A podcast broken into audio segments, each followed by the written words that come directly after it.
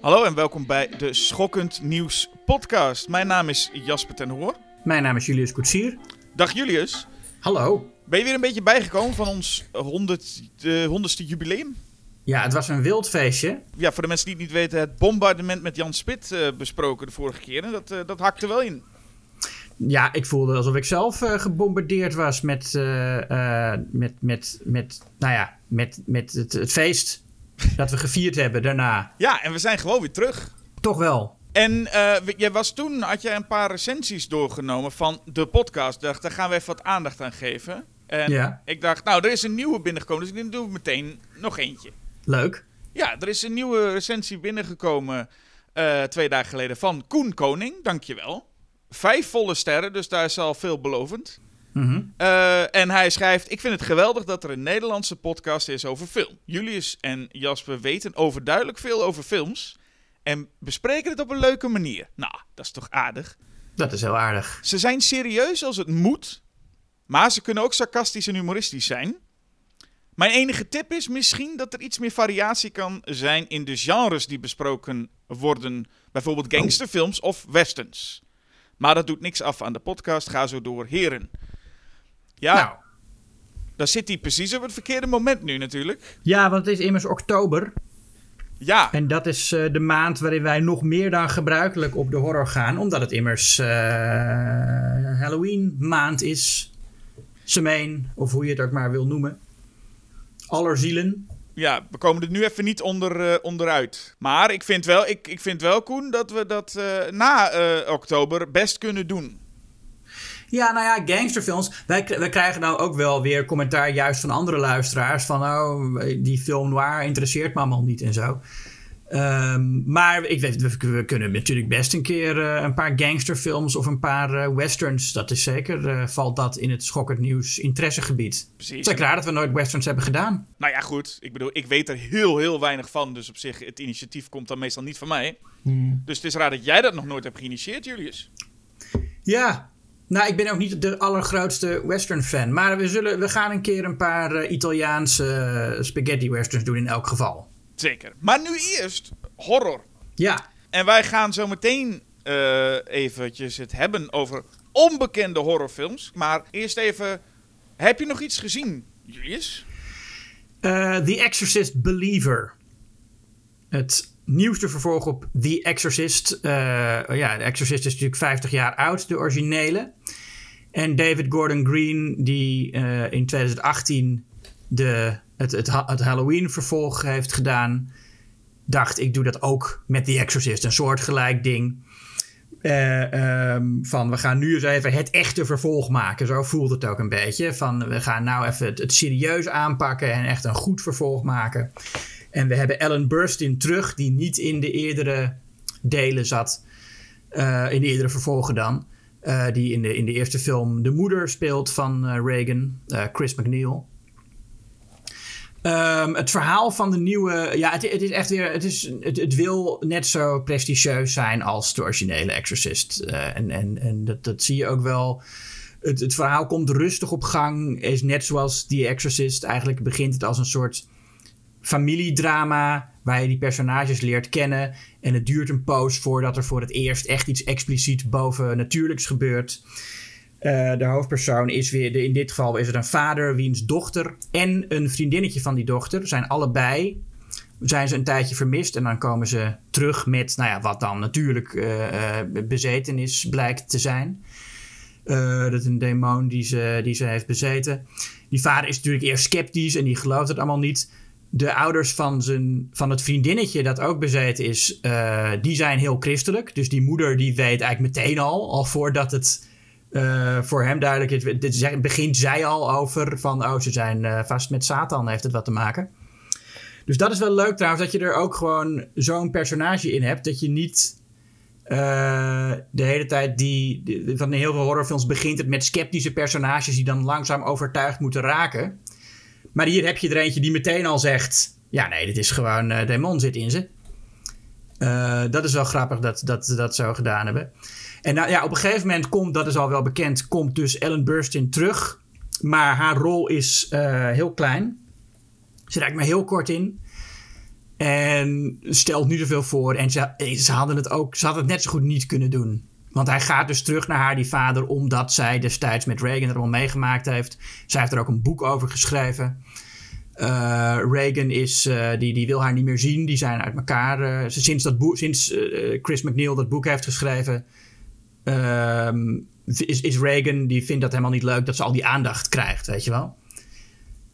dus die, die, die wil de moeder niet meer zien. Um, maar die moeder, die, ja, daar, gaan ze dus naar haar toe van... kun jij ons helpen, want jij hebt het ook meegemaakt. En zij gaat dan natuurlijk even, even dat huis in, weet je wel. En dan maar ja, dat is, dat is eigenlijk. Het, is niet een cameo, maar wel echt een, een nou ja, veredelde cameo zou je het kunnen noemen. Het is volgens mij niet meer dan twee scènes of drie scènes waar ze in zit. Dus het voelt een beetje om, om het maar credits te geven: van kijk, we zijn echt. Ja, nee, precies. Terwijl je, ze, hadden, ze hadden natuurlijk ook een, een film meer vanuit, echt vanuit haar perspectief kunnen maken. Maar goed, het is puur daarvoor. En dan, ja, weet je wat het is? Die originele Exorcist die is nou 50 jaar oud. En als je die terugziet, dan heeft hij nog steeds een enorme impact. Als je, zeker als je hem in de bioscoop ziet. En je ziet dingen van dat, dat Reagan uh, uh, tot bloedens toe uh, met een crucifix aan het masturberen is. En dan het hoofd van de moeder in die bloedende wond duwt. Dat is best wel. je denkt, het zal je maar gebeuren, weet je wel? Ja, dat denk je. Terwijl in deze film, ja, gebeurt dat niet. Maar goed, dat, dat, ik bedoel, dat, dat had ook niet moeten gebeuren nog een keer. Maar er zitten, heel, er zitten gewoon echt niet echt schokkende tafereelen in. En het, is, het heeft niet die lichamelijkheid en die heftigheid en die, en die intensiteit van die originele film, die nu 50 jaar oud is. En dan kom je met de vervolg in 2023 en is het gewoon, ja, uh, ze, ze, ze spuugt een beetje en ze, en ze bloedt een beetje. Maar ja, dat is het. Maar dat zou nu toch ook niet meer werken? Er is toch, niet, er is toch weinig te verzinnen waar het publiek wat nu zoveel heeft gezien nog van onder de indruk raakt? Nou, um, ik vond bijvoorbeeld een paar jaar geleden uh, Titaan. Ja? Was dat 2021? Die vond ik nog wel. Uh, die, die, die wat, was, niet dat daar heel, was niet dat daar dingen in gebeurden die je nooit eerder gezien had. Maar de manier waarop het gefilmd was, maakte het heel invoelbaar en heel ik, werd echt wel, ik werd echt fysiek ongemakkelijk van uh, sommige dingen in die film. Nee, zeker. Maar ik kan me wel voorstellen dat David Gordon Green hier toch wel een beetje een blockbuster moest maken, toch? Ja, ja, ja, zeker. Dus... Nee, dus dat is dan de afweging die je inderdaad moet maken van hoe ver kun je gaan qua schokkend geweld. Maar ook qua ideeën. Ja, ik bedoel, ik, kijk, ik, ik zou ook niet weten als jij mij vraagt wat had hij dan moeten doen. Ja, dat weet ik niet, maar ik, ik ben hem dan ook niet. Uh, ik, ik, ik, neem niet de taak op mij om een prestigieus vervolg op The Exorcist te maken. Hij wel. En dan zou het leuk zijn als hij qua ideeën. Het hoeft niet eens dat er heel veel expliciet in beeld gebracht wordt. Maar gewoon dat hij qua ideeën wat, wat prikkelender is. En wat uitdagender.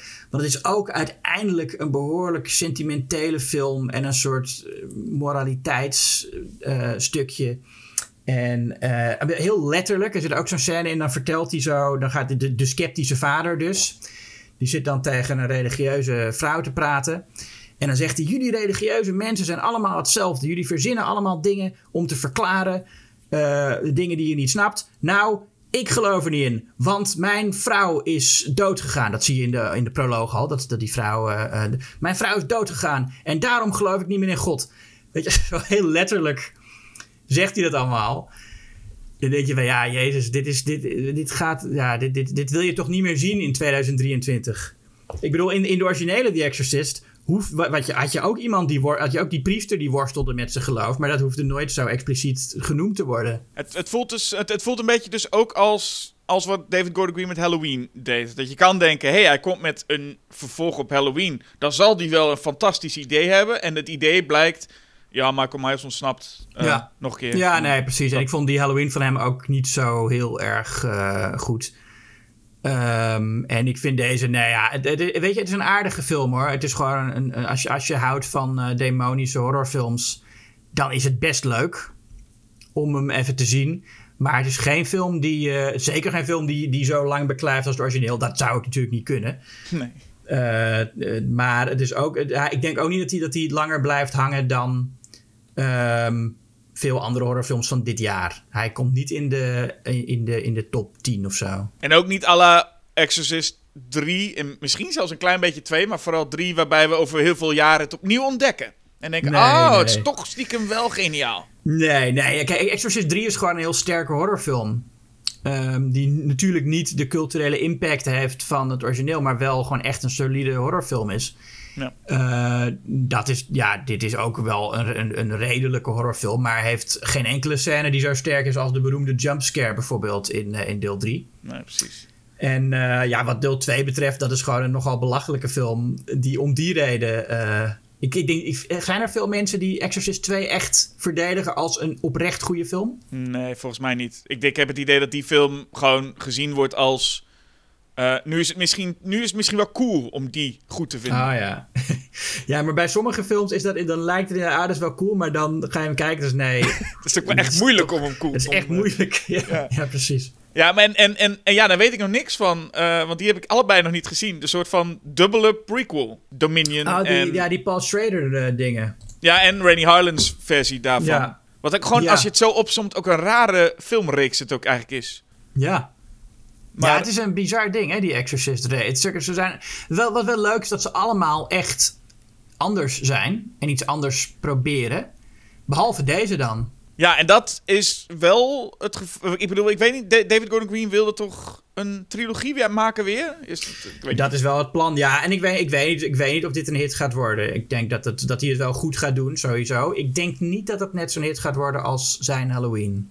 Nee, die, die, die eh, explodeerde ook wel echt natuurlijk. Ja. Ehm, maar als het een beetje een succes is, dan kan ik me best voorstellen dat er nog twee vervolgen komen. En David Gordon Green weet natuurlijk met vervolg altijd precies wat hij doet. Dus het, dit plan is helemaal uitgestippeld. Ja, ja die, heeft, die heeft wel helemaal in gedachten. Nee, het lijkt mij, want in een vervolg... Ik vraag me heel erg af wat hij dan zou gaan doen. Ja. Nou ja, dat gaan we zien. Wat heb jij eh, laatst nog gezien, Jasper? Niet veel, maar als we het dan toch even over filmreeksen hebben. Eh, en jij zei het al, Exorcist. Bijzonder, want die doet elk deel wat anders. Ehm, ik heb zo'n reeks al een hele tijd op mijn... eh, ehm, ja, een deel van een reeks gezien die nooit iets anders doet. Eh, en ik ben, ja, hoe zeg je dat in het Nederlands? Een completist. Een klompetist? Nee.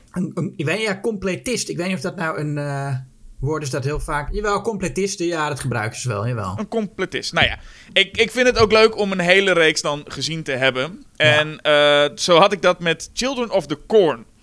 Oh, En- ja. Dat is zo bizar, want er is één film gemaakt eh, in 1984, gebaseerd op het boek van, van Stephen King. Kort verhaal, ja. Een kort verhaal. En het idee dat daar uit dat korte verhaal en die film, dat daar nu zo'n lange reeks Ja, uit ontstaan is, is, is, is eigenlijk vrij bizar. ja want is, het- die film heeft het niet eens zo heel goed gedaan, toch? Die eerste. Nee, en die film is ook helemaal niet goed. Nee, ook dat nog. Nee. Nee, ik zag hem. Ik ging toen ik, toen ik eh, begon met horrorfilms kijken, ehm, dacht ik ook van nou, Stephen King dingen zijn wel, wil ik wel gezien hebben. En Children of the Corn. En toen, en, maar toen, en toen zag ik, nee, dit is, dit is geen Carrie.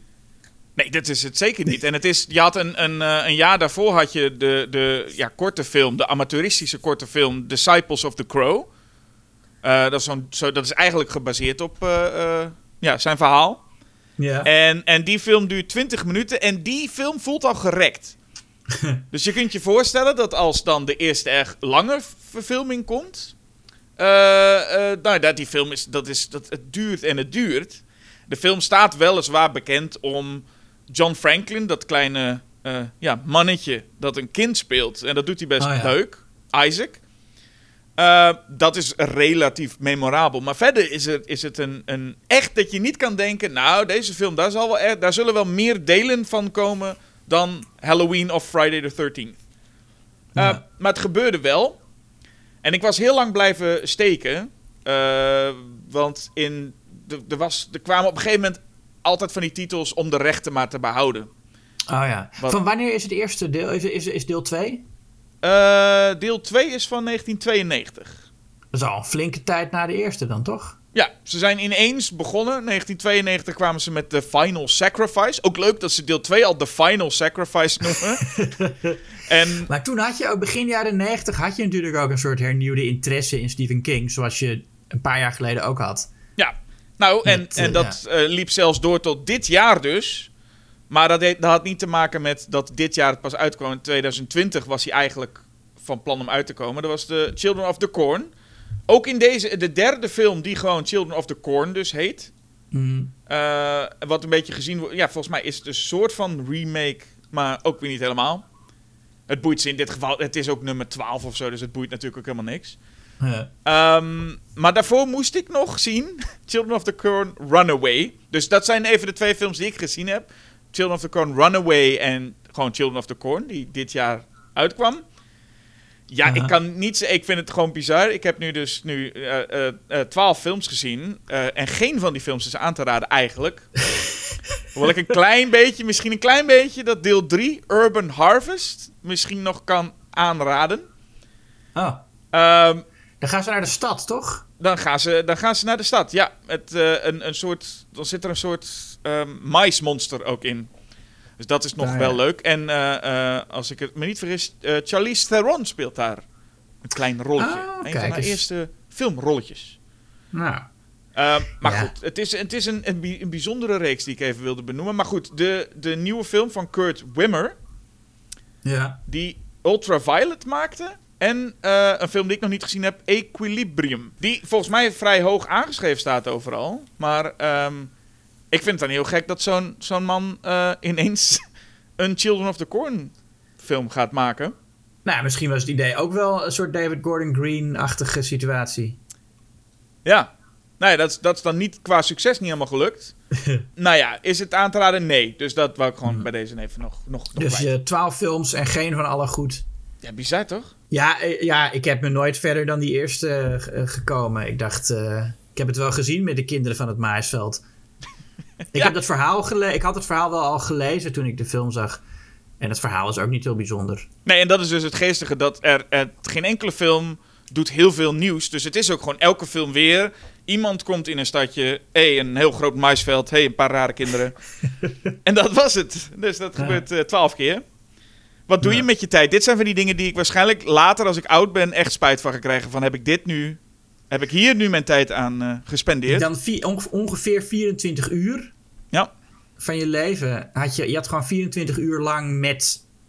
dus had je, je, had, je, had, ja, je had 24 uur lang eh, eh, eh, in een. eh, dat, dat was het oude programma, toch? 24 uur met. Had ik dat je kunnen doen. 24 uur met iemand in een kamer zit. en Ik had met. Wilfried de Jong in een kamer kunnen zitten, maar nee. Dat had je kunnen doen, maar Ik je ging in met, plaats eh, daarvan. Ja. Children of the Corn kijken. Dus dat willen we niemand aanraden. Dus misschien is het goed om naar, een, eh, naar films te gaan die we wel willen aanraden. ja, Is dat een idee? ja, en films die jij, luisteraar, nog niet gezien hebt. Ja, het is wel moeilijk, moet ik zeggen. Ik bedacht, hey, het is ehm, oktober, horrormaand. Wij hebben het vaak over horrorfilms, maar ik kan gewoon de schokkend nieuws lezer of luisteraar in dit geval een beetje bedenken. Ja, die kent het allemaal al. ja, Want sinds ik ook bij Schokkend Nieuws betrokken ben, hoor ik ook, spreek ik steeds, steeds meer mensen waarvan ik eh, dan de hele tijd hoor ik dan titels en mijn oren die klapperen met ik heb echt geen idee waar jullie het over hebben. Dus ik snap heel goed dat als het over films gaat, horrorfilms gaat bijvoorbeeld, dat eh, ja, mensen het luisteren en denken, ja, ik ken het allemaal. Dus ik dacht, waar- waarom gaan we niet eens proberen wat tips te geven aan mensen waarvan ze mogelijk die nog nooit gezien hebben. Maar dat Ja, is wel ingewikkeld bij een publiek dat zo goed in, eh, in het materiaal zit. Ja, we hebben echt. Ja, ik heb wel mijn best gedaan om een beetje obscure titels die ook echt de moeite waard zijn, dan natuurlijk. Ja, dat moet ook nog eens allebei, hè? Ja. Maar eh, en, en ik, ik moet zeggen, ik ging zelf ook even gewoon googlen van wat wordt er over het algemeen gezegd. En dan kom je wel eens op websites die meer voor een algemeen publiek zijn. Ja. Waardoor er dus een lijst komt met bijvoorbeeld eh, onbekendere horrorfilms die de moeite waard zijn. Zoals Black Christmas en The Burning. Nou, daar Ja. moeten wij dan eh, niet mee aankomen. Mhm. Maar wij moeten nu ja, echt, echt gaan graven in... Om, en ik ben benieuwd of er luisteraars zijn... Nou, als je ze alle tien gezien hebt, want we gaan allebei vijf titels noemen.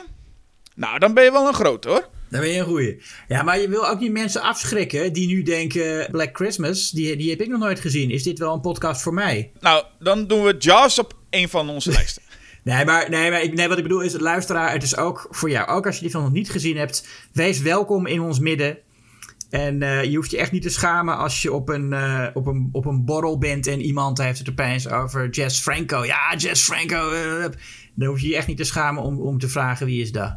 Nee, zeker niet. Dat ben ik, maar dat is ook, ik bedoel, wij hebben een, een top 50 gemaakt niet zo lang geleden. En daar staat ook titels tussen die ik nog nooit gezien had. Of van Ja. gehoord had zelfs. Dus dat is helemaal niet erg.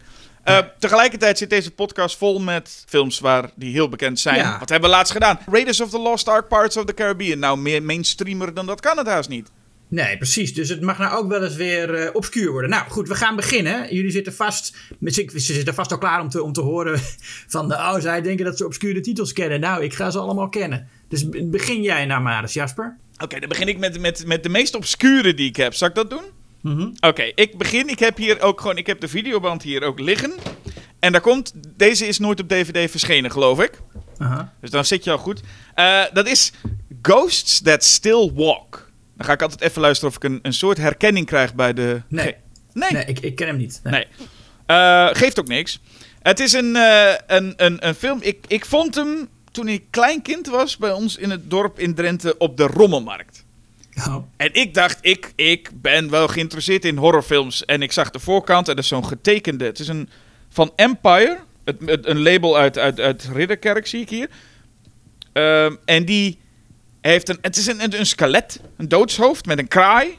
Nou, dat getekend. En je denkt, nou, dit is leuk. Ja. Het enige wat opvalt is dat er een enorme spelfout op zit. Want het staat Ghosts zonder H. Oh. Dus het is Ghosts that still Ja. walk. Ehm, en ik ging het kijken. En ik dacht, wat is dit? Een ongelofelijke oerzaaie trage film. Dus ik heb hem eh, gelukkig niet weggegooid. Want ik heb hem in een hoek gegooid. En ben hem later toch nog maar weer gaan kijken. In, in die hoek vond je hem weer. Er was, er was een hoek waar dan een paar van die videobanden lagen. Jarenlang in de hoek gelegen. Ja, al- alle zagen- saaie films gingen één hoek in. Ehm, maar ik ging hem af en toe toch nog eens weer opzetten. Ja, je, je, je, je moet iets. Maar het- de film is wel op een of andere manier blijven hangen. En ik ben hem dus nu al een paar keer vaker gaan kijken. En er zitten echt momenten in deze film die, nou ja, die zeer aan te raden zijn. Ik zal kort even vertellen wat het is. Ehm, de film gaat over een 15-jarige jongen die ehm, wiens moeder experimenteert met mummies. En deze mummie, een geest, komt vrij en die bedreigt eerst het leven van eh, zijn grootouders en daarna van hemzelf. En het is een nogal, wat, een heleboel vage shit, een psychologische horror. Het, het heeft wat dat betreft een hoog Exorcist 2 gehalte. Hm. Maar dan met een vleugje Phantasm erin verwerkt. En er zit een scène in waarin de ouders van, eh, of de grootouders van deze, deze hoofdpersoon Mark, worden aangevallen. Die zitten in een, in een eh, camper. En dan gaan ze de woestijn in. En die camper gaat eerst een tijdje voor, eh, zich, uit zichzelf rijden. Maar daarna staat ze midden in de woestijn. En dan zien ze in de verte iets aankomen. En dat zijn dan, blijken dan rotsblokken te zijn die op hen afkomen rollen. En ik vind dat zo'n Het is ook een beetje knullig. Maar Ja. het is wel zo'n sterk scènetje aan zich. Dat ze met een verrekijker gaan kijken. En die rotsblokken komen steeds dichterbij. En ze denken, potverdorie. Dat zijn Ja. grote rotsblokken. En die komen Ja. onze kant op. Nou, camper willen starten, lukt niet. En gewoon dat hele scènetje zit heel lang al in mijn hoofd. Eh, waarvan ik zou zeggen, ik zie, ga dat vooral kijken.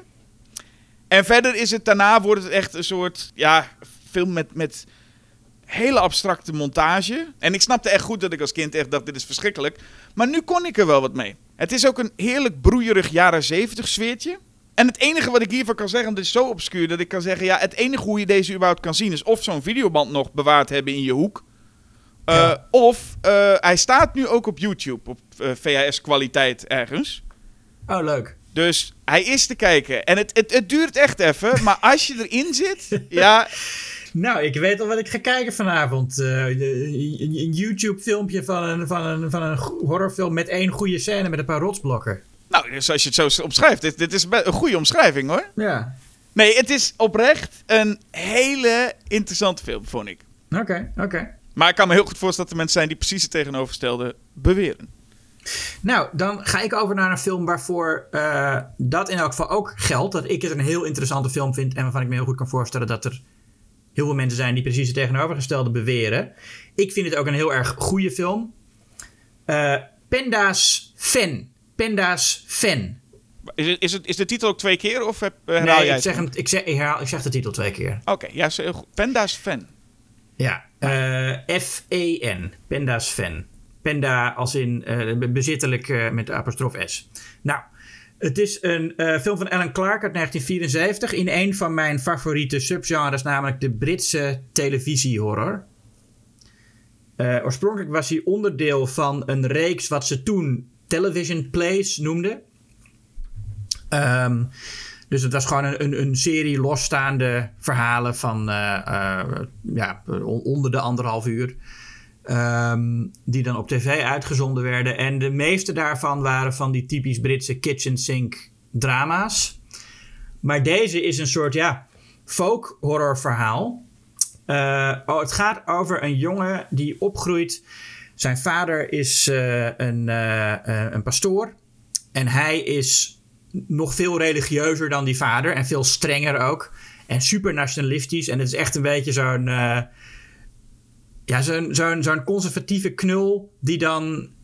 Ik denk een beetje hoe Thierry Baudet vroeger was of zo, weet je? Die dan ook in de klas spreekbeurten gaat houden over waarom eh, eh, Engeland het beste land is. En, en, en waarom een, een bepaalde documentaire over Jezus, waar hij dan heel boos om wordt. Want het gaat over de historische Jezus. En dan zegt hij, dat is atheïstische rommel. En zo staat hij voor de klas dat eh, te vertellen.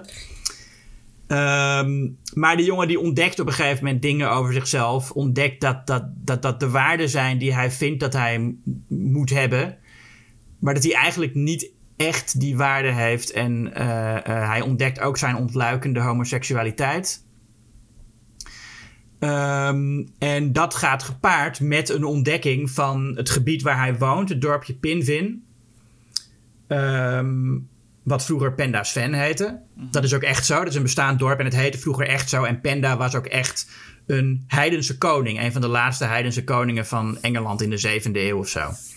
Dus hij ontdekt een beetje de heidense geschiedenis van dat land. En eh, van, van, van, de, van dat dorpje. Zoals je in heel veel Britse folkhorror verhalen hebt. Weet je wel. Dat ze het hebben over we zijn nu christelijk. Maar de, het, het vroegere geloof hier van de mensen die hier vroeger woonden. Met hun eh, natuurrituelen. Dat zit nog steeds in het land. En daar kunnen we nog steeds. Dat voelen we ook nog steeds als we hier rondlopen. En eh, dat is heel mooi. En dat, ja, het is, het is, eh, hij is niet heel eng. Hoewel er wel een paar creepy beelden in zitten. Een paar verschijningen van, van demonen. Ehm, het is ook een beetje een soort on- onverklaarbare film. Je, je snapt er eigenlijk... Je snapt niet alles, maar het klopt wel. Hoe het, het gevoel van die film klopt. En het gevoel van eh, magie dat die jongen ook krijgt als hij door dat land loopt. Want het leuke is wel... eh, hij wordt gespeeld door Spencer Banks, die, dat- die, die knul. En hoewel het dus echt zo'n zo'n heel fout rechts jochie is... die je heel irritant zou kunnen gaan vinden... vind je hem eigenlijk gewoon leuk. Want als hij zijn rechtse eh, conservatieve eh, ideeën verkondigt... en, en, eh, en, over, blasfemie en zo... dan is dat eigenlijk vooral aandoenlijk. En ehm, je ziet ook dat hij echt wel begeesterd is. En dat hij ook echt houdt van, van klassieke muziek. Houdt hij heel erg. En je ziet dat hij echt daar een soort passie voor heeft. En ook een begrip daarvoor. Wat dan samenvalt met zijn ontdekkingen over het gebied waar hij woont. Dus het is wel, het is een, eh, het is een, eh, een, ja, een, positieve film ook om te kijken. En het is ook echt een, hij ontwikkelt zich ook op een positieve manier, de protagonist. Ehm, dus ja, Penda's fan. En hij was tot voor kort niet op eh, DVD of Blu-ray te krijgen. Ook nooit op video uitgebracht. Dus hij staat nu wel op YouTube. En hij zit in een folk horror box eh, op Blu-ray. Die eh, super duur is, want er zitten iets van 20 films in. Maar dit is een van de hoogtepunten van die box. Heel goed. Ja, Ik heb geen vragen meer. oké. Nee, het is heel moeilijk om eigenlijk iets te, te reageren op een film waarvan je echt denkt, ik heb hier echt nog nooit van gehoord. Nee, ja, nee, dat is, dat is ook het, het, het goede. Dat is het goede, ja. Het enige wat ik zie is, hij krijgt wel op, op Letterboxd zie ik dan een hoog cijfer. Ja, hij, wordt- trouwens, hij is in, in, in het Verenigd Koninkrijk wat bekender. Hij werd ook meteen heel goed ontvangen toen hij daar op tv was. En werd ook meteen beschouwd als een van de allerbeste Britse televisiedingen aller tijden. Dus eh, ja. Ja, precies. Ik ben sowieso blij dat jij voor in deze lijst die we dan nu hebben een beetje kwaliteit ook gegooid. Want ik heb daar niet altijd rekening mee gehouden. Hij is wel, je moet, ik moet er wel bij zeggen, het is niet, eh, hij is niet eh 100% een horrorfilm of zo. Er zitten ook hele lange eh, theologische dialogen in. Die ik wel heel erg goed vind. En die ook echt thematisch relevant zijn voor waar die film over gaat. Maar het is niet zo dat het eh, eh, continu creepy is of zo. Nou, ik weet nu wat ik vanavond ga kijken. Ehm, ik heb nog een, een DVD, eh, of een videoband heb ik hier. Een slasher. Maar het is eigenlijk geen slasher. Althans, het is een slasher met een baviaan. Oh, Shakma. En die kan misschien iets bekender zijn, weet ik niet. ja, ik heb die videoband eh, wel eens zien liggen. Die lag ook bij mijn plaatselijke videotheek, maar ik heb hem nooit gezien. Nee, nou ja, ik heb hem uit de videotheek eh, eh, meegenomen. Even kijken. Oh ja, van Videocorner Stadskanaal komt hij vandaan. Kijk. Ja, een uit de hand gelopen experiment schept een levensgevaarlijke killerbaviaan. Ehm ik zal even, want dat, dat doe ik soms ook bij eh, Julius versie op. Zal ik even de achterkant doen? Ja. Dat tekstje. Oké. Jacma is een film die ijswater door uw aderen jaagt. Hm. Hoofdrollen in deze super shocker worden gespeeld door Roddy McDowell uit Planet of the Apes, Amanda Wiss uit eh, Silverado en Nightmare on Elm Street, Christopher Atkins uit Blue Lagoon en er Ari Meyers uit Kate and Ellie. Kortom, allemaal topspelers in een adembenemende film. Met behulp van de modernste elektronische snufjes jagen een aantal mensen elkaar de stuipen op het lijf. De menselijke listen en lusten vieren hoogtij. Ah. Een onvoorziene factor is echter een uit de hand gelopen wetenschappelijk experiment, de killer Baviaan Shakma. Het lijkt in eerste instantie een spel in een totaal verlaten en grotendeels verduisterd gebouw. Eh, mannen en vrouwen zijn op zoek naar de geheime prinses, maar Shakma ligt op de loer. Oersterk, intelligent, vreed, moordzuchtig en razendsnel. Etage na etage wordt het gebouw met bloed besmeurd. Zo. Nou, het is, eh er klopt volgens mij ook helemaal geen hol van, eh, wat hier nu staat ook. Althans, er staat hier dat die mensen elkaar eh, de stuipen op het lijf jagen. Maar het is dus eigenlijk medische studenten die in een heel groot lab, echt een, een, een wolkenkrabber, een soort Dungeons and Dragons-achtig spel spelen. Oh. Met walkie-talkies en van die eind jaren 80 computers. Nou ja. Dus ik, ik weet niet precies wat ze aan het spelen zijn, maar ze lopen gewoon de hele tijd door een gebouw met, met een, met een walkie-talkie te praten met Roddy McDowell die eh, achter de computer zit. Mhm. Ehm, en dan worden ze inderdaad dus wel, dat klopt wel, aangevallen door een baviaan. Oh, dat klopt gelukkig wel. Dat, ja, daar ben dat ik nog wel... hele baviaan verzonnen is door de tekstschrijver. Nee, dat het gewoon mensen zijn die in, in een lang in een gebouw lopen. Eh, hoewel, een wel deel van de film is dat wel. Zeker aan het einde wordt eh, een van de topspelers, dus de, zoals ze het hier noemen, ehm, Christopher Atkins, loopt een tijd lang eh, eh, door het gebouw te zoeken naar de baviaan. Want deze film, hij duurt wel iets van 100 minuten en dat is wel lang. En hier staat ook nog wel grappig dat het echt een soort van grotendeels verduisterd gebouw. Nou, er is volgens mij niks verduisterd. Het is echt, alles is zo licht als maar kan. Het is echt een soort belicht als, als Saved by the Bell. Zo, zo, zo is de belichting hier. Maar wat echt een interessant en sterk iets is, is de baviaan. Wordt gespeeld door een echte baviaan. Oh. En deel, soms door een pop, maar eh, het dier aan zich is echt wel angstaanjagend. Het is echt, je, je ziet zoveel scènes met een compleet hysterische baviaan die op zijn prooi afrent. En, op, en, en, en deuren, er gaan echt zoveel deuren naar de tyfus hier in deze film. Ehm, dat je denkt, nou, je gaat bijna denken, hoe, is dit wel... Is dit wel goed? en de, de, Is het... ik ga ervan uit dat er, er- ik bedoel, er zijn echt wel eh, eh, nou ja, trainers geweest. En je weet natuurlijk nooit 100% zeker Mhm. als er met dieren gewerkt wordt of het helemaal goed is gegaan. Maar deze acteur is echt een, een nou, er zijn, er zijn weinig horror monsters die zo overtuigend spelen als deze baviaan. Het zijn eigenlijk enge beesten, bavianen. Het zijn echt enge beesten. En ergens, je- af en toe als hij stil zit, dan is het echt heel schattig. Zo'n schattig baviaantje. Maar wie The Omen gezien heeft, weet... Baboons are dangerous. Ja, nou, en eh, ja, deze, ik denk echt dat het een, het, het kan echt een, je kan echt een angst krijgen voor Baviaan als je deze film hebt gezien. Ehm, maar de opzet is gewoon slasher-achtig. Iedereen loopt los in, eh, in, in zo'n wolkenkrabber en worden één voor één door die Baviaan eh, omgebracht. Hm. Ehm, en ondanks dat het dus wat lang duurt, is het een, is het een leuke slasher. Met vooral dus een heel memorabele hoofdpersoon. Hm. En wat, ik nog, het was, wat nog leuk was, de, de aap wordt gespeeld door een eh, bekende baviaan.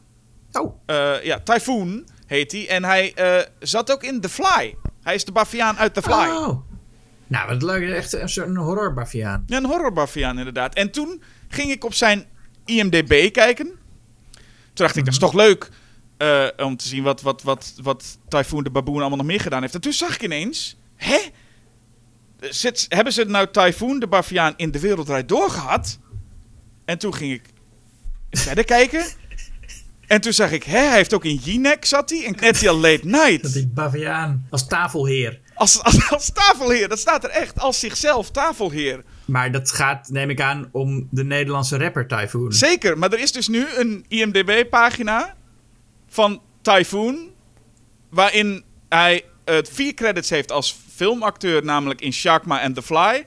Maar dus nu ook vier als zichzelf in Jinek, Galita Sophie en De Wereld Draait Door. Wie, wie, wie heeft dat dan gedaan? Want hij zelf heeft dat natuurlijk niet, niet gedaan. Wie heeft welke...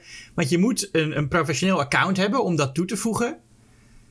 Dus wie zit daar Typhoons eh, IMDb-pagina bij te werken met En- die rollen? Misschien die Baviaan zelf, dat hij denkt, ik, vind, Ja. ik, wil, ik wil meer credits, ik ga dit proberen.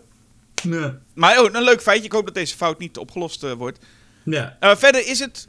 Ja, volgens mij is hij wel op Blu-ray. Ik heb hem dan nog op video, maar hij is op Blu-ray. En volgens mij, wat ik zo even zag, is hij ook op Amazon Prime misschien te zien. Maar ik weet niet precies hoe Amazon Prime werkt. Want soms kun je dingen niet in Nederland zien. Maar ik zag in ieder geval dat de film op Amazon Prime staat. Met de geweldige omschrijving: A wild animal attacks people in a large tower. Dat is de, de plotomschrijving. Nou, dat is heel, heel generiek. Ze doen, ze doen niet eens moeite om de baviaan uit te... Ja. de- de- het is gewoon een, een, dier in een gebouw. Veel plezier. Maar goed. Nou, klinkt goed. Ja. Eh, mijn volgende titel is eentje waarvan ik dus eh, dacht dat hij wel bekender was dan hij blijkt te zijn, volgens mij. Want het is Let's Scare Jessica to Death. Het is een titel waarvan ik al heel lang, die, die ik al, al heel lang ken. En ik dacht altijd dat het ook wel een soort eh, eh, niet zo obscure film was. Maar hoe meer ik met mensen praat, hoe vaker zij die film niet blijken te kennen. En hoewel het een van de favoriete films is van de Britse horrorcriticus eh, Kim Newman. Die als je ooit wel eens een horrorfilm op Blu-ray gekocht hebt, zit daar waarschijnlijk audiocommentaar van hem bij. Of zo'n boekje wat hij dan ge- geschreven Ja, of zo'n boekje. Ja, nou, dat is Kim. Maar die, en hij zet die film in zijn top 10. Dus ik dacht, nou, die zal toch wel enigszins bekend zijn. Maar het, ja, ik zie hem ook heel vaak verschijnen op, eh, op lijstjes inderdaad van onbekende horrorfilms. Nou ja, ik, ik, denk- ik noem hem toch maar, want hij is wel echt heel erg goed. Als je houdt van eh, slow burn, jaren 70, ehm, stijl horror. Dus in 1971 is hij. Ge- geregisseerd door John D. Hancock. Eh, 71. En als je houdt van dingen als, zeg maar, Rosemary's Baby, Don't Look Now, Images van Robert Altman, dan eh, moet je deze ook echt gaan zien. Eh, de, titel vond ik altijd een beetje als een slasher klinken. Let's Scare Jessica to Death. Maar dat is het dus helemaal niet. Het, het, is, het gaat over een, een vrouw die naar een. Eh, ze komt net uit een, eh, uit een inrichting, want ze had eh, mentale problemen. Ze gaat naar een, naar een, een, een nieuw huis ergens ver af in, in, in een klein dorpje in Amerika, weet je wel. Zo'n zo'n closed community-achtig ding. Lekker in de natuur zit ze daar. Maar dan zit er al iemand in dat huis. En ehm, het, is, ja, het is ook weer een film met heel veel, vage, heel veel vage dingen. Uiteindelijk kom je er wel achter hoe het zit. Maar het mysterie blijft lang bewaard. Dus ik zou ook vooral zeggen: ga vooral niet plotbeschrijvingen opzoeken, maar zet die film gewoon op. Want het is. Ja. Ehm, het is een melancholische film. Er zitten echt oprecht ehm, sterke beelden in. Die ook echt heel erg creepy beelden, vind ik. Wat dat betreft werkt die film voor mij heel goed. Drukt heel goed op mijn knopjes. Wat betreft eh, ehm, gewoon eh, angstaanjagende beelden. Ja, en een, een diepe melancholie zit er ook in. Die ik ook heel fijn vind in horror. Klinkt inderdaad als een Julius film dit. Ja, Maar ja, je kunt er niet te veel over vertellen. Dus dat is eigenlijk je ook Nee. je punt dan. Nee, je wil deze film, moet je gewoon gaan zien. ga hem zien. En weet je, en het is ook. eh, ehm, het is echt zo'n film waarbij je ook van, van. Is het nou echt of stelt ze het zich voor? Wat je ook heel vaak. Nou, dat zijn al die films, alle horrorfilms uit de jaren 70. Hebben op een gegeven moment die vraag: is deze persoon aan het doordraaien of zijn er echt eh, dingen aan de hand? Nou ja. Zo'n film is het, weet je wel. Maar wel eentje waarin eh, uiteindelijk eh, het wel ook een, een, een bevredigend antwoord krijgt wat er aan de hand is. Hmm. Nou ja, wat ik al zei, ik vind het een. Het, het klinkt als een echte Julius-film. Mhm. dus dan ga ik nu wel een echte Jasper-film doen. En voor mij eh, heb ik eh, Jack Brooks Monster Slayer. Ah! Uit 2007, dus even, wat, even uit die jaren 70 nu hoor. Mhm. Ehm, even drie redenen waarom, in drie stappen waarom ik deze film geweldig vind. Eén, het is een horror comedy. Dat is mijn favoriete genre. Twee, Robert England zit erin, mijn idool, in een geweldige bijrol. Mhm. En drie, hij duurt 80 minuten. Zo. Ja, dus daar heb je eigenlijk, dan heb, dan heb je me al. Ehm, Ja. eh, de film gaat over een, een loodgieter. Die wordt gespeeld door de, de, de schrijver ook van de film, Trevor Matthews. En die heeft nogal eh woedeproblemen. En hij doet, terwijl hij dan loodgieter is, eh, ook een avondopleiding. En de docent in, bij die avondopleiding is Robert England. En die vraagt hem of hij even als loodgieter ook even een klein klusje kan doen bij hem thuis. Nou, dat doet hij. En daar tijdens dat klusje komt een demon vrij. En die demon gaat in eh, Robert England zitten. Nou, en dat neemt hij mee naar de, eh, de avondopleiding waar Jack ook is. En dan blijkt Jack zijn woede en zijn tools als loodgieter heel goed te kunnen gebruiken. En ja, deze film is een, het is, het is een, het is een hele leuke slapstick, is het. Het is een vrij laag, echt een laag budget, maar het ziet er allemaal echt leuk uit. Leuke actie, leuke stunts zitten erin. Eh, geen CGI, gelukkig ook. Want anno 2007 had dat er heel waarschijnlijk niet goed uitgezien. Maar er zit heel veel leuk poppenwerk in. En maskers. En ja, Robert England heeft echt enorm... eh, eh, heeft een enorme komische timing. En dat zie je hierin. De manier hoe hij van een soort van lieve professor... Hij is een beetje hetzelfde tegenovergestelde van zijn rol in Urban Legend. Speelt hij zo'n professor die uiteindelijk niet, nou ja, die niet zo sympathiek moet overkomen. Want hij is mogelijk de dader, toch? Dat is Ja, waar ja, Urban ja. Legend om gaat. En hier is het echt een lieve man die dan gaandeweg een, een, een soort van demon aan het worden is. En de manier hoe die, die, hoe die transformatie speelt, die echt, echt heel erg leuk. Nou, het is leuk, want er, zijn, er werden in de jaren 2000 volgens mij ontzettend veel van dit soort films gemaakt. Zeg maar horror comedies met veel bloed en met een, een bijrol van Robert Englund dan erin. En het merendeel daarvan is, is totale bagger. Dus het is wel leuk om dan jou te hebben, die, dat jij kunt bevestigen, dit is dan een van de goeie. Ja, althans, ik, ja, dat moet je, maar dat moet je dan bij alle films zeggen. Dit is eentje die bij mij alles goed doet. Ja. Eh, maar er zit, ik bedoel, de, het, het is een hele simpele film. Het is ook best lomp, deels door de gore, maar ook... eh, er zitten allemaal scènes in met bijvoorbeeld Jack die met zijn psychiater en als een woedeuitbarsting. Maar ik vind dat deze acteur, Trevor Matthews, speelt dat ook heel leuk. Ik kan me ook hier weer gewoon echt goed voorstellen dat iemand denkt, nee, dit is mij te, te dom. Maar als lekker echt simpele, eh lompe horrorcomedy werkt dit heel goed. En dit is ook een wereld, dat vind ik ook heel leuk. Gewoon een wereld waar monsters nou eenmaal gewoon bestaan. Het is gewoon onze wereld, alleen af en toe... Oh. Er zijn gewoon af en toe monsters en dat, dat is gewoon zo. ja, dat is een mooi concept, ja. Ja, dat is sowieso een mooi concept. Ik zou zeggen, sowieso waarschijnlijk wel Robert England's beste, leukste rol eh, na sinds Freddy. Hoewel, ik moet, ik moet zeggen, ik- misschien kan ook die Let It Be commercial videoclip zijn. waar hij op een strand staat te zingen. Dat is misschien dan toch nog wel. Ken, ken je die? Oh, die? Ja, dat, die van een of andere Scandinavisch eh, is- talkshow, toch? Met al die, al Ja, die mensen die ze ooit te gast hebben gehad. Er staan heel veel, heel veel B-acteurs zijn op een greenscreen op een strand gezet. Zo Jason Alexander, Bud Spencer, Dolph Lundgren. En die zingen dan Let It Be. En dat is, ja, geweldig. Ik ga, hem, ik ga hem zodra we uitgesproken zijn, ga ik dat filmpje weer kijken. Dat is, Oké, dat is dan, moet ik dan even zeggen, dat is misschien mijn favoriete eh, eh, rol van Robert England sinds Freddy. Maar deze komt dan, eh, Jack Brooks als monster komt als tweede. het, leukste, het leukste aan het filmpje vind ik die gasten die dan niet echt kunnen zingen, die dan Let It Be. Ja, je hebt, Ro- Roger Moore zit helemaal aan het begin. Ja. Die dan Oh zo'n ja, die- soort van- die praat. ja, die praat gewoon. En dan heb je, je hebt ook, hoe heet die, Bu- Bud uit Married with Children.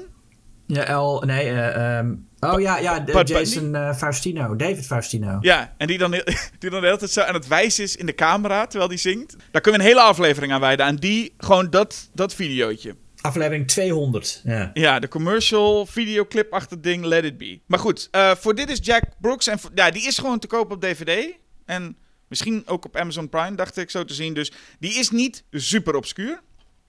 Maar ik vind wel dat meer mensen het erover mogen hebben. Oké. Ehm, mijn volgende titel.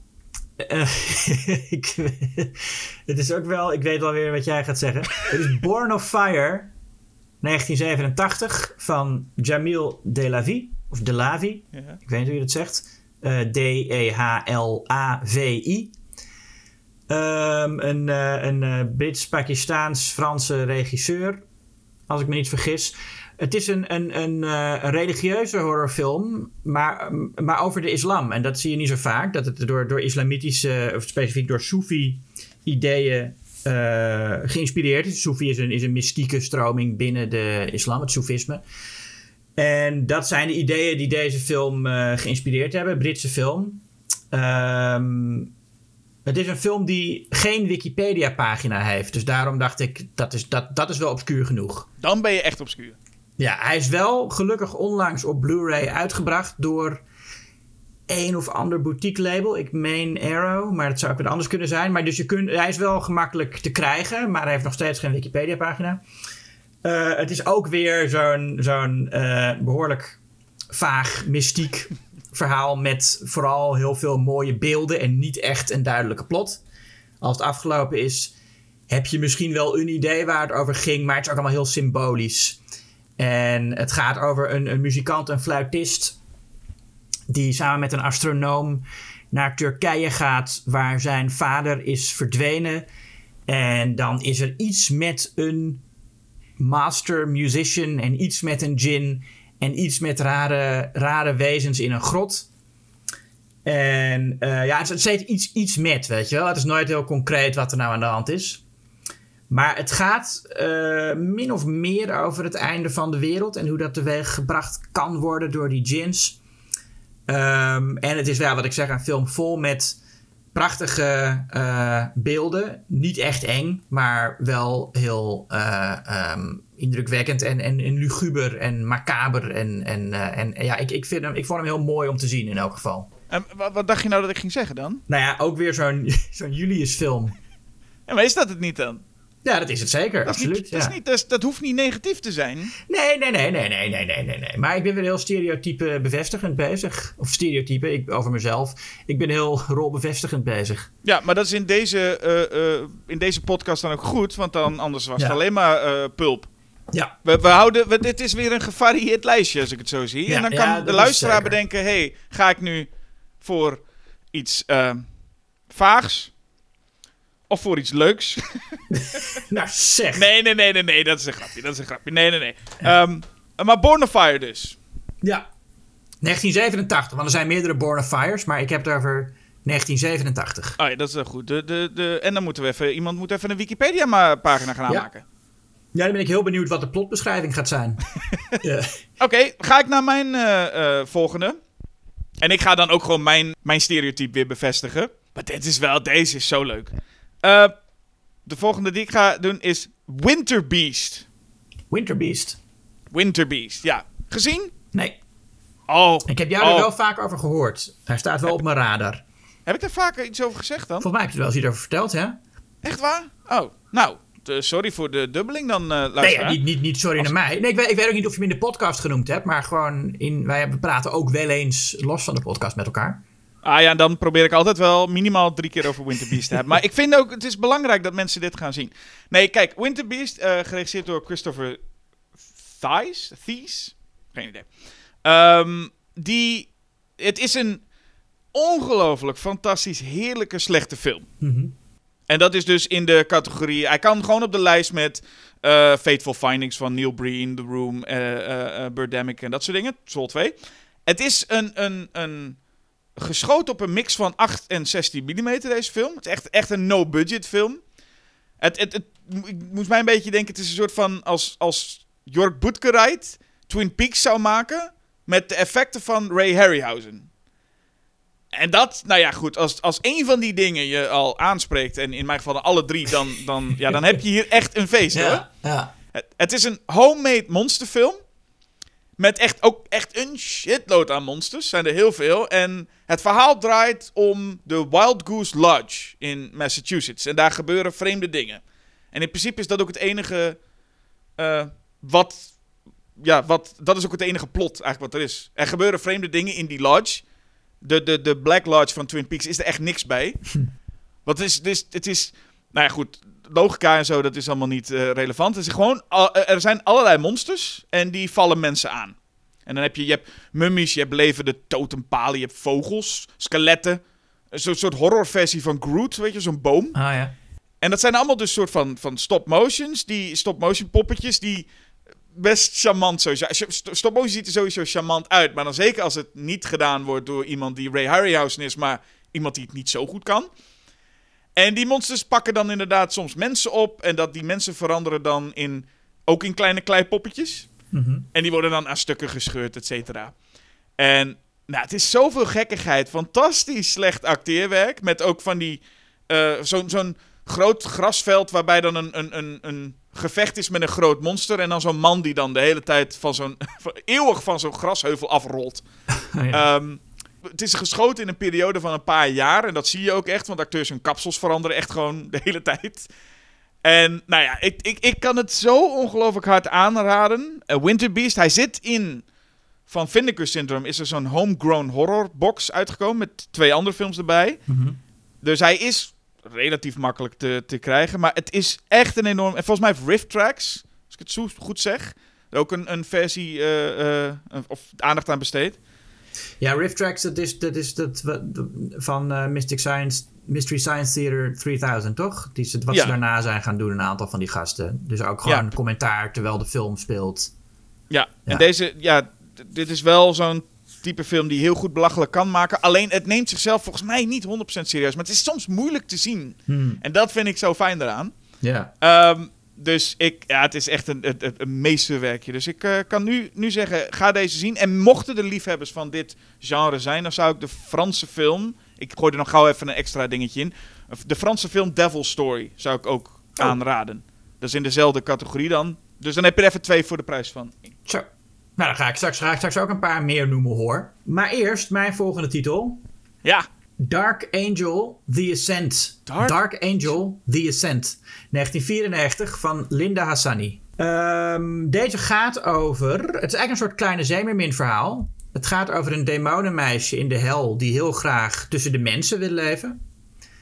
Daar begint het mee. En dan, eh, nou ja, op een gegeven moment gebeurt dat. Mag zij eh, eh, naar, naar de aarde of wordt, wordt zij, komt ze daar terecht en wordt ze verliefd op een dokter die haar meteen, vrijwel meteen ontmoet. En die dokter ook op haar. Ik denk, die dokter wordt eerst verliefd op haar. En dan zij op hem. En ehm, wat zij vooral doet op aarde is alle zondaars straffen. En dan eh, zit ze achter corrupte politici aan. En politieagenten die eh, hun boekje te buiten gaan, die worden allemaal meteen eh, afgeslacht. Ehm, en het is ook het is een heel grappig. Het is, het is een, een straight-to-video film, was het destijds in 1994. Volgens mij is hij ook nooit. eh, misschien wel op DVD, maar volgens mij niet op, eh, op Blu-ray of zo. Dus je zult hem eh, ook. Ja, je zult, hem, je zult er echt naar moeten zoeken.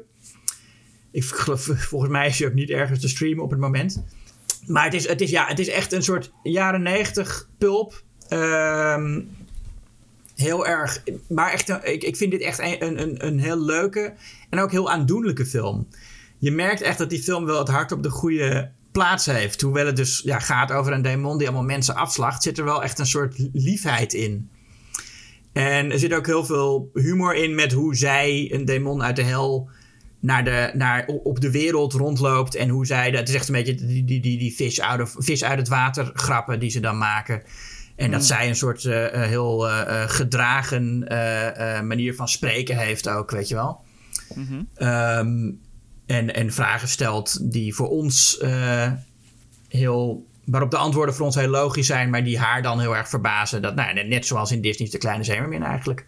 Dus ja, ik denk, ik gooi er ook eens een, een plezierfilm in. Nou, ik, ik moet zeggen dat ik hier inderdaad... Dit, dit klinkt echt heel leuk. En ik keek meteen even. En de poster vind ik ook heel leuk. Ja, nee, het is dolle pret. Het is, eh, die Linda Hassani die heeft een, een, een paar van dit soort films gemaakt. En zij is wel echt een van de ja, meer competente personen in het, in, in het genre van de straight-to-video trash. Dus het is wel echt trash, de film. Maar het is, ik vind het best wel goed gemaakt en ook gewoon heel erg leuk en lief. Oké, deze gaat sowieso op de lijst. Die, die andere titel is ook leuk hoor. Maar deze Mhm. is, eh, klinkt heel leuk. Ja. Nou, wat ik dan doe, omdat jij eh, nu een, een, bij, nou ja, een, zo'n titel eh, doet, doe ik even een Julius-titel. Oh, Voor mijn laatste aan, ehm, eh, beveling eh, is Next of Kin. Next of Kin. Next of Kin, 1982. Ook veel films die zo heten, maar er is maar eentje uit, zover ik weet, uit 1982, geregisseerd door Tony Williams. Heb je hem gezien? Nee. Oh, nou dan is dat een enorme aanrader voor jou. Dit is een Australische horrorfilm en gemaakt dus door Tony Williams. Die wilde, het was, hij kreeg eerst een script voor ogen wat een beetje gewoon een horror comedy was. En hij wilde eigenlijk wegblijven uit die typische eh, eh, Australische exploitation films die toen allemaal veel gemaakt werden in eh, jaren 70 en jaren 80. En hij wilde iets artistieks maken en liet zich dus inspireren door juist Europese films. En toen maakte hij wat nou ja, in, de, in, de, in de volksmond dus genoemd wordt als de Suspiria Down Under. Hm. En hij kreeg, de film kreeg een beetje bekendheid, dus ik weet niet hoe obscuur en onbekend de film is. Maar jij kent hem niet, dus dan Nee, eh, dat heb is... ik, eh, eh, ja. heb ik, eh, ben ik in ieder geval geslaagd. Maar hij kreeg een beetje bekendheid, want hij werd genoemd in een eh eh Osploitation documentaire. Eh, Not Quite Hollywood, The Wild Untold Story of Osploitation. En hij werd genoemd door Quentin Tarantino als dat dit een van zijn favorieten was. Nou, dan weet je dat wel. ja, nou ja, Tarantino heeft ook behoorlijk wisselvallige smaak. Dat en volgens Maar- mij zegt Tarantino bij, heeft Tarantino bij 600 films al gezegd dat het een van zijn favorieten is. Ja. Maar het is oprecht echt een hele goede film. Een film met in een beetje de, de, nou ja, de toon van naast Suspiria ook een beetje Don't Look Now, een beetje The Shining. Mhm. En het gaat over eh, eh, Linda, gespeeld door Jackie Karen, die een oud landhuis erft. En dit landhuis is echt ook zo'n, zo'n, zo, zou zo in een Hammer horrorfilm kunnen, dat landhuis. En dat is op dat moment nog een bejaardentehuis. En zij komt daar nogal opmerkelijke dingen tegen. Want bewoners gaan plotseling dood. Nou is dat op zich niet zo heel vreemd voor een bejaardentehuis. Maar goed, ze, ze vindt op een gegeven moment het dagboek van haar moeder... en leest dan allemaal dingen... en komt dingen te weten over het huis.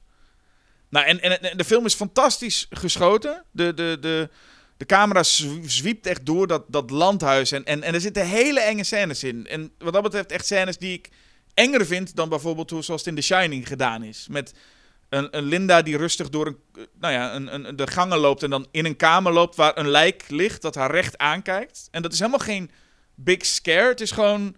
Het ligt er gewoon en het is er gewoon. Mhm. En dat vind ik een hele, altijd een hele eh, effectieve aanpak. Ja, daar hou ik ook van. En, dus, en, en op, een oude man die dood in bad ligt. En dat zijn zulke goede shots. En ook gewoon zo stil. Dat, ja, nou, dat is in ieder geval fantastisch. En verder is er wel, is er wel af en toe geluid. Namelijk een soundtrack van eh, Klaus Schultz.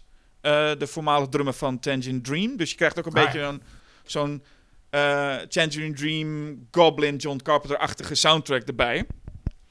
Eh, ik zou zeggen, en zeker deze specifiek ook voor jou, Julius, Ja. maar ook dus voor alle andere mensen, Next of Kin is echt een aanrader. Ehm, er is een Blu-ray, sowieso, van Second Sight Films. Die heb ik hier nu ook. Maar je, ja, streaming kon ik hem niet vinden, want ik kwam de hele tijd uit bij Next of Kin van, met Patrick Swayze. Dus dat is hem niet. Oh. nou, Dus ik- hij gaat eh, zeker op mijn lijst. Ja, ik denk dat jij hem, eh, dat, dat jij hem leuk vindt. Ehm, zijn we alweer toe aan mijn la de laatste titel die ik ga noemen. Yes. Eh, ja, ik vind het moeilijk, want ik, ik heb dus een paar bedacht. Zal ik eerst even zeggen welke er afgevallen zijn? Oh, dat mag, jazeker. Ehm welke af, nou, Ganja en Hess is afgevallen omdat ik die toch ehm, niet obscuur genoeg vond. Nee, die kennen we allemaal. Nou ja, en Hess 1973, Bill Gunn. eh vampierfilm die ook heel ja, vaag is en, en onduidelijk. En, eh, Je hebt zo vaak het woord vaag over. ja, nee, maar, nee, maar het, het klinkt dan een beetje... Dat is ook maar een beetje zo'n zo'n zo'n catch-all te vaag. Dat kan natuurlijk duizend dingen betekenen. Ehm, het is een film die je niet meteen begrijpt. Het is wel een, een, een, een, een vampierfilm, maar niet op de traditionele manier, zeg maar. Het is, nee, maar dit is echt een oprecht desoriënterende film. Het is ook zo'n film waarvan, waarvan ik ook dacht... Ik snap niet goed waar die heen gaat en wat hij nou eigenlijk wil hiermee. Oh, ja. Maar toch Ja, ja. werkt hij heel goed. Dus dat is eh, een aanrader. Ganja en Hess. Dan heel kort. Ja, The Black Cat vond ik ook wat te, eh, niet obscuur genoeg. The Black Cat uit 1934 van eh, Edgar G. Omer. Wat een van de beste eh, Universal horrorfilms is. Met Boris Karloff en Bela Lugosi. Zogenaamd gebaseerd op het verhaal van Edgar Allan Poe. Maar daar heeft het helemaal niks mee te maken. Echt niks. Er, er zit een kat in. Dat is eigenlijk het enige. En die kat die, die, heeft, die hoeft eigenlijk niet eens erin te zitten. Eh, maar dat is eentje die ik echt zou aanraden als je van eh, eh, klassieke horrorfilms houdt. Ehm, The Phantom Carriage 1921 of uh, Keurkarlen van Victor Sjöström. Uh, wat eigenlijk een soort half night, uh, hoe noem je dat? Christmas Carol is. Um, met ook een scène trouwens die, die, die, die, die, het gaat over iemand die op, op, op oudjaarsavond niet zoals Scrooge heel rijk is, maar juist in de goot ligt. Maar dan krijgt hij door geesten dan te zien hoe hij daar is beland en wat hij allemaal fout heeft gedaan in zijn leven en besluit hij zijn leven te beteren. Uh, er zit ook een scène in die heel erg doet denken aan The Shining, waar hij met een bijl de deur inhakt om, om zijn familie uh, af te gaan slachten. Uh, dus ik, dit is, ik denk dat Kubrick hem ook gezien heeft. Want die shots zijn uh, heel vergelijkbaar. En dan tot slot Vivarium uit 2009 van Lorcan Finnegan. Met Imogen Poots en Jesse Eisenberg erin. En ik, ja, ik, die, ik vind het raar dat die film niet zo bekend is als je zou denken. Maar volgens mij is hij ook wel. Is hij ook weer niet extreem obscuur.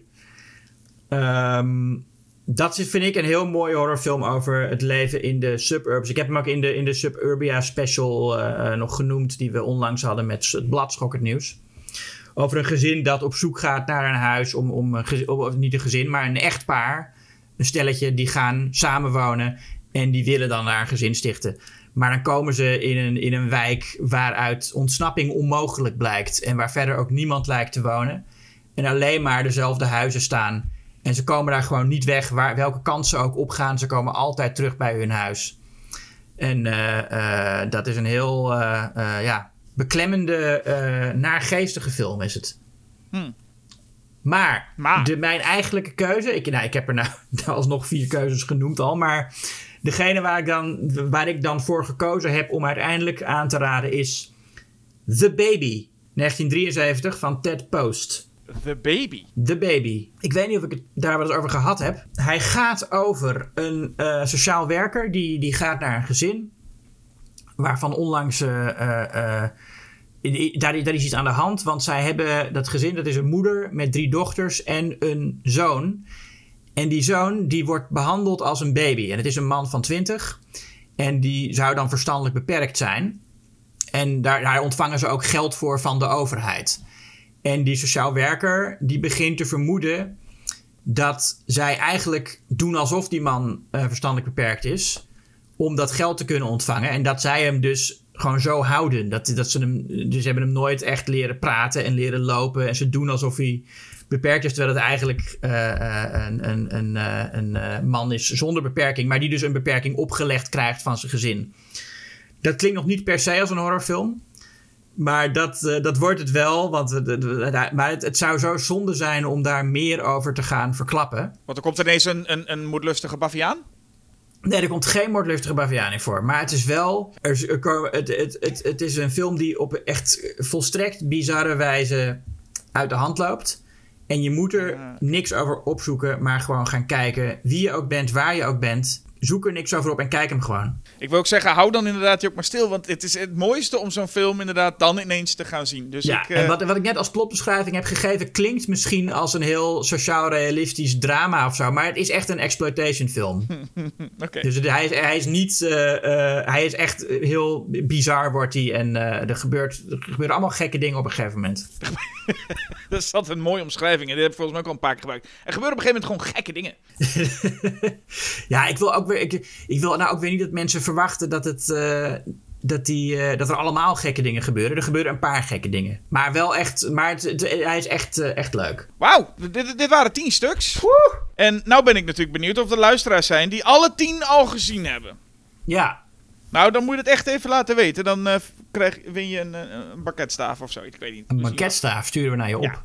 Ja, sturen we naar je op. Maar dit is, dat zou echt wat zijn. Als je ze. En anders, nou ja, geniet ervan. Je hebt nog wat te doen deze oktober. Ja, je hebt wel je Halloween-lijstje. Kun je mooi aanvullen, toch? Met een paar uh, obscure titels. En dan kun je indruk maken op al je vrienden. En die vragen dan: hoe, hoe ken jij al deze films, Jonathan? Als je zo heet.